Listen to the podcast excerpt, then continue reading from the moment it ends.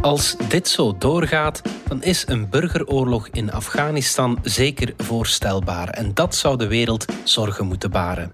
Dat zei de Amerikaanse viersterren-generaal Austin Miller, hoofd van de missie in Afghanistan enkele dagen geleden. Twintig jaar lang hebben de Amerikanen en hun bondgenoten in Afghanistan gezeten. En dan zegt hun viersterren-generaal zoiets.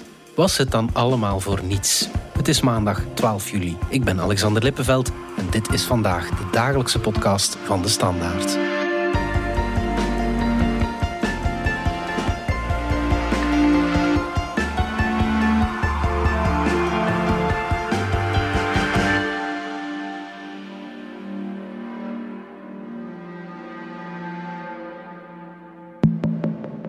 Guy Goris, de voormalige hoofdredacteur van het magazine Mo, schreef het zo pas in onze krant. De interventie in Afghanistan was, en ik citeer, een van de langstlopende en wellicht de duurste internationale militaire interventie van de voorbije 70 jaar. Een van de meest recente academische berekeningen van de militaire uitgaven voor deze 20-jarige oorlog komt voor de VS alleen uit op net geen 1000 miljard dollar. Corrie Hanke en Peter de Lobel, ja, dat is een bedrag, dat is duizelingwekkend. Hè? Dat is uh, inderdaad duizelingwekkend. En je zou kunnen afvragen of dat geld eigenlijk wel allemaal goed besteed is en of het wel waard was om mm. daar twintig jaar te vechten in Afghanistan. Ja, laat ons even in herinnering brengen ja, waarom heel de wereld daar naartoe getrokken is in 2001. Ja, de oorlog is eigenlijk met een grote knal begonnen. Hè. En die knal was 9-11, dat uh, Al-Qaeda een aantal aanslagen op Amerikaanse doelwitten uh, pleegde en, en meer dan 3000 uh, doden op die dag maakte. This is as close as we can get to the base of the World Trade Center. You can see the firemen assembled here, the police officers, FBI agents, and you can see the two towers. A huge explosion now raining debris on all of us. We better get out of the way. En dat was eigenlijk voor uh, de toenmalige Amerikaanse president George Bush uh, de aanleiding om te zeggen we vallen Afghanistan binnen. Today our fellow citizens, our way of life, our very freedom came under attack in a series of deliberate and deadly terrorist acts. The search is underway for those who are behind these evil acts. I've directed the full resources of our intelligence and law enforcement communities to find those responsible and to bring them to justice. We will make no distinction between the terrorists who committed these acts and those who harbored them. Bin Laden, die gezien werd als hoofd van Al-Qaeda, die was naar Afghanistan gevlucht en die hield zich daar schuil. En de mhm. Taliban, het islamitische conservatieve regime dat toen aan de macht was in Afghanistan, wilde Bin Laden niet uitleveren aan de Amerikanen. Mm. Dus dat was voor, voor uh, George Bush het teken om uh, samen met de Britten uh, Afghanistan te bombarderen. On my orders, the United States military has begun strikes against Al-Qaeda terrorist training camps and military installations of the Taliban regime in Afghanistan. These carefully targeted actions are designed to disrupt the use of Afghanistan as a terrorist base of operations and to attack the military capability of the Taliban regime. Dat lijkt dan op zich gelukt, want Bin Laden was uh, al redelijk snel weg uit Afghanistan. Hè? Ja, twee of drie weken later was hij al weg, was hij uh, gevlucht naar uh, Pakistan, waar hij uiteindelijk dan nog tien jaar ergens in een villa op het platteland kon vertoeven. Mm dus je zou kunnen zeggen inderdaad dat uh, die opdracht mislukt is. En dan kun je onmiddellijk afvragen waarom we daar in godsnaam dan nog twintig jaar moesten blijven. Ja, waarom? Ik zal de vraag gewoon terugkaatsen. Ik kan het rationeel niet verklaren. Mhm. We hebben nu met een aantal mensen gesproken voor de reeks. En de ene zegt... Uh, dit is het masculine gedrag, dat is nodig. George Bush moest reageren. Hij kon, hij kon politiek niet anders dan, uh, dan hard terugslaan. Hij heeft dat ook zo gezegd. Mm Anderen zeggen je zat op zekere momenten in een soort militaire logica waar, waaruit men niet meer geraakte. Maar dus heel snel werd het idee van we moeten achter Bin Laden aangaan, werd dan vertaald naar we moeten uh, Afghanistan democratiseren. Our military action is also designed to clear the way for sustained, comprehensive and relentless operations to drive them out and bring them to justice. At the same time, the oppressed people of Afghanistan will know the generosity of America and our allies. As we strike military targets, We will also drop food, medicine, and supplies to the starving and suffering men and women and children of Afghanistan. We hebben dat een heel cruciale denkfout gemaakt is dat men ervan uitging dat de Taliban, of dat men in ieder geval zei dat de Taliban ook een internationale jihad-agenda had. Wat helemaal niet zo is. Bin Laden had een internationale agenda, was, was een, een, een terrorist of, of de leider van een terreurorganisatie die overal ter wereld aanslagen wilde plegen om de Amerikanen te treffen. De Taliban die waren gewoon geïnteresseerd in hun eigen land, waar ze al jarenlang aan de macht waren en daar een heel conservatief islamistisch regime hadden. Ja. Um, er zijn zelfs verhalen dat eigenlijk de Taliban liever niet had dat Bin Laden in Afghanistan zat. Eigenlijk wilden ze hem liever ergens anders, omdat ze dat niet prettig vonden dat ineens alle ogen op Afghanistan gericht waren. Ja, ja, Nadat ze Bin Laden niet onmiddellijk gevonden hadden, mhm. vonden de Amerikanen het belangrijk om van Afghanistan een democratisch land te maken. En dus dan kreeg je uh, twee militaire operaties. De eerste militaire operatie, vooral gedragen door de Amerikanen en de Britten, die moest het land schoonmaken van de Taliban. Mhm. En in hun kielzog is de NAVO gekomen, die dan moest werken aan de wederopbouw en de, het, het invoeren van de democratie in het land. Ja. Dat is ook wat Jeroen Poezen ons uh, vertelde. Jeroen Poezen, dat is de base commander van Kleine Brogel op dit moment. Mhm. Is in Afghanistan geweest als uh, F-16-piloot. Mhm. Maar waar ik naartoe wil is dat die man zei van kijk, de NAVO heeft daar eigenlijk een rol moeten opnemen waarvoor de NAVO niet gemaakt is. Je had daar een, een NAVO-generaal die daar verantwoordelijk was voor veiligheid, maar ook voor governance en development. Dus, dus net dat deel waar Corrie het over had, die wederopbouw ook dat economische weefsel daar proberen terug in gang te krijgen. En dat is iets waar de NAVO een, een rol heeft moeten opnemen, zegt hij. Ja, omdat anderen het lieten liggen. En, uh, en staan met name naar, naar eh, de Verenigde Naties die daar uh, tekortgeschoten zouden zijn. Ik denk dat het Westen met een te westerse mening naar Ginds is gegaan. Om te zeggen van kijk, zo functioneert democratie. Zo functioneert dat bij ons. En dit is zoals jullie het moeten doen. Ik denk dat het uh, beter was geweest om, om, om van in het begin, goed, ik spreek nu, en dat is voortschrijdend inzicht, dat is makkelijk gezegd. Hè, zoveel jaar na 9-11 is dat gemakkelijk gezegd misschien. Um, en, en, en, en, als je, en als je ziet dat een land um, ja, een beetje, met alle respect gezegd, hè, een beetje achterop hinkt in de tijd, dan moet je niet proberen van hen te bruskeren en hen mee te nemen. Peter, wat was dan de concrete rol van ons Belgisch leger? Wat, wat deden wij daar? Er zijn uh, verschillende plekken waar de, de Belgische militairen actief waren. Hetgeen waar het meeste Belgische militairen naartoe gegaan zijn over uh, al die jaren heen, is de beveiligings- en bewakingsopdracht van, van de luchthaven in Kabul. Daar, daar, ja, daar was volk voor nodig. Dat was een rol waarvan de Belgische politiek dacht, die kunnen we uh, zeker invullen. Mhm. Veel militairen die daar geweest zijn, uh, vonden dat niet de meest uh, stimulerende opdracht. ja, dat is in principe dan aan de, aan de poort staan en controleren wie er, wie er binnen en buiten gaat. Belangrijk, maar, maar niet, zo, niet zo spannend. Mhm. Andere belangrijke opdracht, of, of andere opdrachten die we daar deden, is luchtsteun met F-16's. De, de F-16-piloten vertrokken daar niet dagelijks met een missie. De enige opdracht die zij eigenlijk hadden was bijstand leveren aan troepen, ook van andere landen, die in de problemen kwamen of die in contact kwamen met de Taliban. Mhm. en dan, Peter, je formuleert dat nu wel heel mooi. Concreet betekende dat soms bombarderen hè? of schieten. Hè? Ja. Is ook zo. Er is daar gebombardeerd en uh, er, er, er, werd daar uh, met, het, met uh, boordkanon en alle mogelijke middelen ja, bijstand geleverd. Nu, wat, wat Poesen ook vertelde en waar het, waar het toch nadruk op legde, is uh, dat men eerst probeerde om, om gradueel uh, in te grijpen. Dat als men er vanaf kon komen met een, een show of presence of een show of force met heel veel lawaai vlak boven de Taliban-hoofden overscheuren om, om, al is het maar om, om de belagers uiteen te laten stuiven, als, als dat genoeg kon zijn, hoefde er niet gebombardeerd te worden. Maar effectief, dus het is wel zeker, wel zeker gedaan. Mm Bon, hij vertelde ook dat ze het vaak niet gedaan hebben als ze het, uh, het risico op collateral damage te hoog achten en zeker niet altijd tot grote enthousiasme van de, van de andere landen. Mhm. Het is ook iets wat dat is aangegeven, wat dat, tijdens die missie in Afghanistan dat veel meer de focus op gekomen is. Als je twijfelt ja. of er burgerslachtoffers gaat vallen, ja, dan, dan, dan, dan gaat het niet door.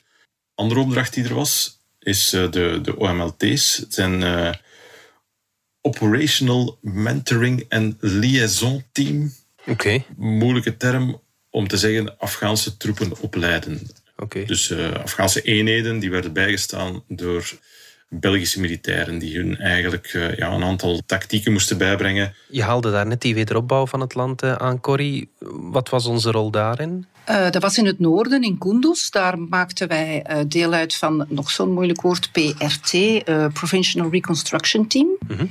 wij, wij, werkten daar samen met, met het Duitse leger, die eigenlijk de leiding had over die missie daar in Kunduz. En ja, Provincial Reconstruction Team, dat betekende eigenlijk dat zij in de provincie moesten werken aan de reconstructie. Namelijk alles wat tevoren kapot gebombardeerd was of kapot geschoten was, moesten zij een beetje terug herstellen of, of beter maken. Dus de bedoeling was dat zij waterputten aanlegden. Het kon zijn dat van hen zou gevraagd worden dat ze wegen bouwden, misschien schooltjes bouwden. En uh, geregeld met de dorpsoudsten overlegden. Want je hebt daar een soort uh, overleg altijd op heel lokaal niveau. En met de dorpsoudsten overlegden van wat, wat zijn nog de, de noden, de behoeften van, van jouw dorp of van, van, van jouw kleine regio. -hmm. Om dan in overleg met hen daaraan te werken. Dat was het idee daarachter. Je hebt dat team een aantal keer bezocht. Hè? Hoe, hoe was dat? Ik ben in het noorden bij de Belgen geweest en ik ben uh, in het zuiden met de Nederlanders in Oeruzkan uh, geweest. Mm -hmm. Dat is, uh, hoe zal ik het zeggen, bevreemdend. Mm -hmm. um, je loopt daar in of naar een dorp op het platteland, dus een, vaak een, een, een zandvlakte, daar ga je dan naartoe.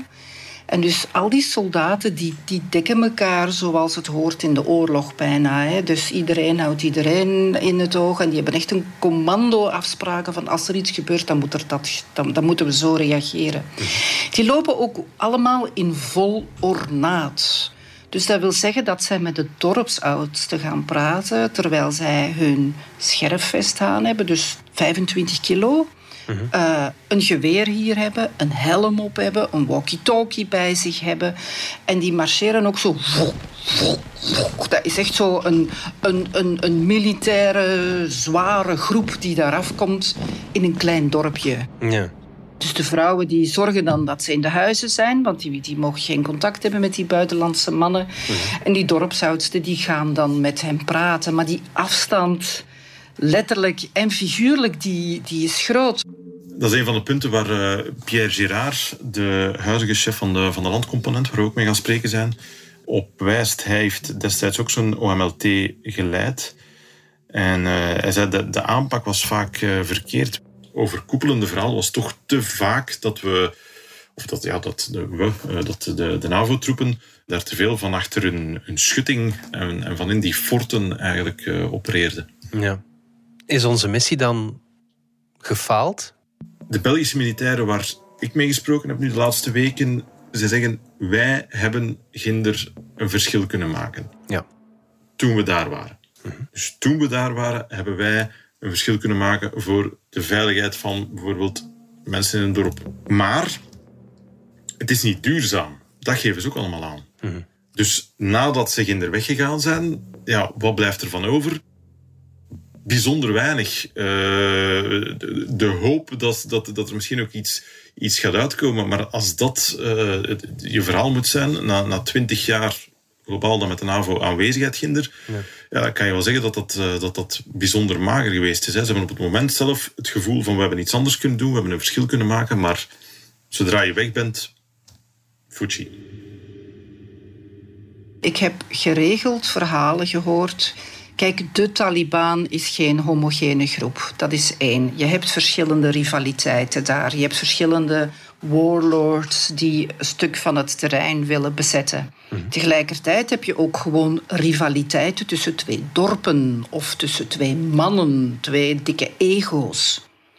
En dus, ik heb het meer dan eens gehoord dat een van de twee Afghanen die een goede relatie had met de westerse troepen, op zeker moment de westerse troepen waarschuwden van in het volgende dorp, daar zit Taliban.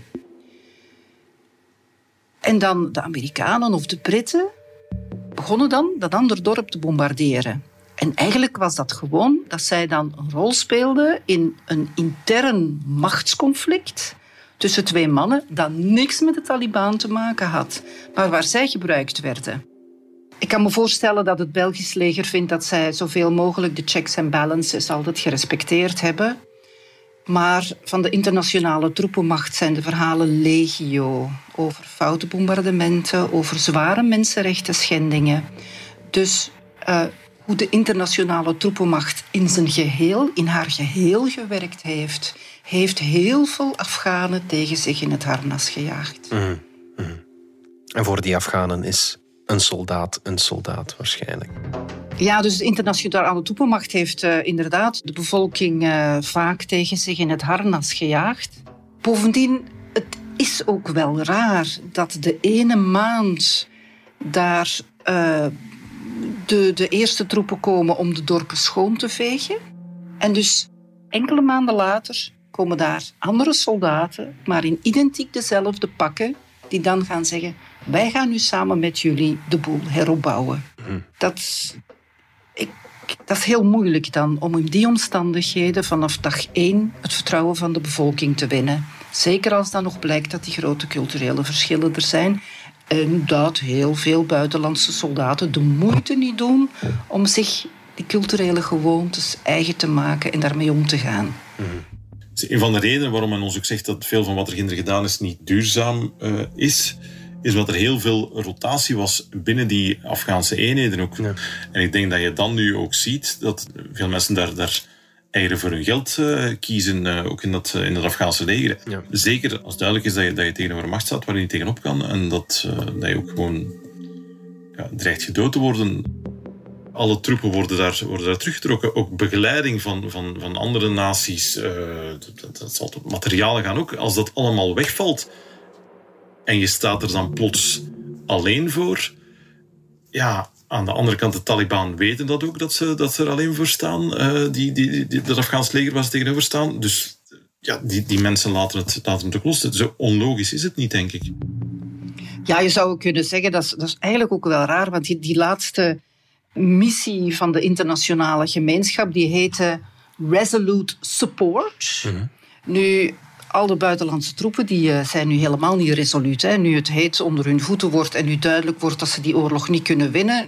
Nu is het hollen naar de uitgang. Mhm. En dus dat is logisch dat die Afghaanse soldaten die door de Taliban als verraders gaan behandeld worden, want die hebben mee als collaborateurs, die hebben mee met het Westen gevochten die gaan binnenkort een rekening gepresenteerd krijgen. Dus ik vind dat niet onlogisch dat die op dit moment eieren voor hun geld kiezen. Dat is ook de reden waarom er vanuit verschillende landen die ginder uh, actief geweest zijn, regelingen worden uitgewerkt om, om tolken die dat de militairen daarbij gestaan hebben, om die een, een soort van asiel aan te bieden in, in ons land of in Duitsland, omdat die mensen daar ook ja, worden gezien als de absolute verraders. Hè. Ze hebben meegedaan met... Uh, de vijand van de Taliban, die daar effectief terug op het punt staan om, om de zaken over te nemen. Een paar dagen geleden heeft de Taliban laten weten dat ze het eigenlijk heel erg zou appreciëren dat alle hoogopgeleiden en de tolken dat die allemaal blijven. Omdat ze bang zijn dat er een echte brain drain gaat komen uit het land. Tuurlijk, ja. Hm. Zou jij blijven? Nee. Look, we're in that war for 20 years. 20 years. And uh, I think they have the capacity to be able to sustain the government. But the Afghans are going to have to be able to do it themselves with the air force they have, which you're helping them maintain. President Biden die zei onlangs op een persconferentie dat de Afghanen ja, nu stilaan op eigen benen moeten uh, kunnen staan en hun eigen boontjes moeten kunnen doppen. Corrie, kunnen ze dat? Ik vind dat een heel rare opmerking. Mm -hmm. De Amerikanen zijn begonnen met onderhandelingen met de Taliban te doen, zonder de Afghaanse regering daarin te betrekken. De huidige president Biden heeft beslist om, zonder dat hij enige voorwaarden aan de Taliban stelde, om alle troepen uit het land terug te trekken. Dat heeft Trump zelfs niet geriskeerd. Mhm. Die stelde nog voorwaarden aan de Taliban. Dus de Taliban die nu in een winning mood zijn, want die, gaan, die, die, die veroveren langzaam het hele land de kans is heel klein dat zij compromissen gaan willen sluiten met de Afghaanse regering. Dus nu zeggen dat de Afghanen hun eigen boontjes moeten doppen, als hij daarmee bedoelt dat de Taliban het dan maar alleen moeten doen ehm, als zij terug aan de macht zijn, ja, dan, dan begrijp ik wel waarom dat hij dat zegt. Maar ik vind wel dat, hij de, dat de Amerikanen de Afghaanse regering heel erg in de steek laten. I want to talk about happy things, man. I'm not going to answer any more questions on Afghanistan. Look, it's 4th of July. Dus nee, dat land gaat zijn... de Afghaanse regering die er nu is... Uh, die gaat zijn eigen boontjes niet kunnen doppen. De soldaten lopen weg. Uh, de budgetten van de Afghaanse regering worden door het Westen gespekt. Want Afghanistan heeft veel te weinig eigen inkomsten. Um, vrouwenorganisaties, middenveldorganisaties, alles wat de laatste twintig jaar langzaamaan is opgebouwd, die zijn helemaal niet gevraagd tijdens de onderhandelingen met de Taliban tussen de Amerikanen. Corrie, jij praatte onlangs met Fauzia Kofi, een belangrijke Afghaanse politica en een van de vier vrouwen in de 21-koppige delegatie die met de Taliban onderhandelt. Zij was nog niet alle hoop verloren, hè? Zij was heel dubbel. Ze zei als vrouw uh, ben ik heel bang. Zij heeft de Taliban meegemaakt. Zij heeft zelfs de periode voor de Taliban meegemaakt. Toen in de strijd tussen de strijdheren de vrouwen massaal verkracht zijn, mishandeld zijn. Ze heeft dan de Taliban meegemaakt dat uh, alle vrouwen onder de burka moesten verdwijnen. Dus als vrouw is zij heel ongerust. Mm. As a woman, I am, especially, um, I have lived all my life in Afghanistan, including during the Taliban and during the civil war. And I have experienced and I have seen firsthand how, uh, you know, uh, everyone in Afghanistan, all human beings, but in particular, how women were oppressed. So in that sense, I am. I'm afraid of the return of those dark days. Tegelijkertijd is zij als politica zo zegt ze tenminste, mm heb ik wel hoop. Zij zegt er is de laatste twintig jaar wel een en ander opgebouwd. But as a politician I'm not, because I think the country has really moved forward so much that um, it will be so difficult to take it back to those dark periods. Er zijn massaal veel meisjes naar school gegaan. En die gaan niet zonder slag of stoot toelaten dat, dat zij terug achter de burka gaan moeten verdwijnen en het huis niet meer gaan uitmogen. Ik, ik vraag mij alleen af, uh, zij is een belangrijke politica. Zij is een boegbeeld voor de vrouwenbeweging. Uh, yeah, the easy option probably for me would be um, to leave Afghanistan. But yeah, that's possible for me. But what about those hundreds and thousands of women and men who have connected their hopes towards me uh, and what I do, or towards other uh, politicians. Um, what will happen to them? Zijn de laatste maanden meer dan 400 vrouwen, belangrijke prominente vrouwen, vermoord. Er is een leegloop. Alle hoogopgeleide vrouwen pakken hun valiezen en zorgen dat ze nu het land uit kunnen. Dus zij als politica, zij zegt ik heb hoop. Want als zij dat niet zegt... Dan heeft niemand nog hoop. Voilà. Goed. Corrie Hanke, Peter de Lopel, dank jullie wel. Dit was vandaag de dagelijkse podcast van De Standaard. Bedankt voor het luisteren. Reageren kan via podcast.standaard.be. Alle credits vind je op standaard.be-podcast. Morgen zijn we opnieuw.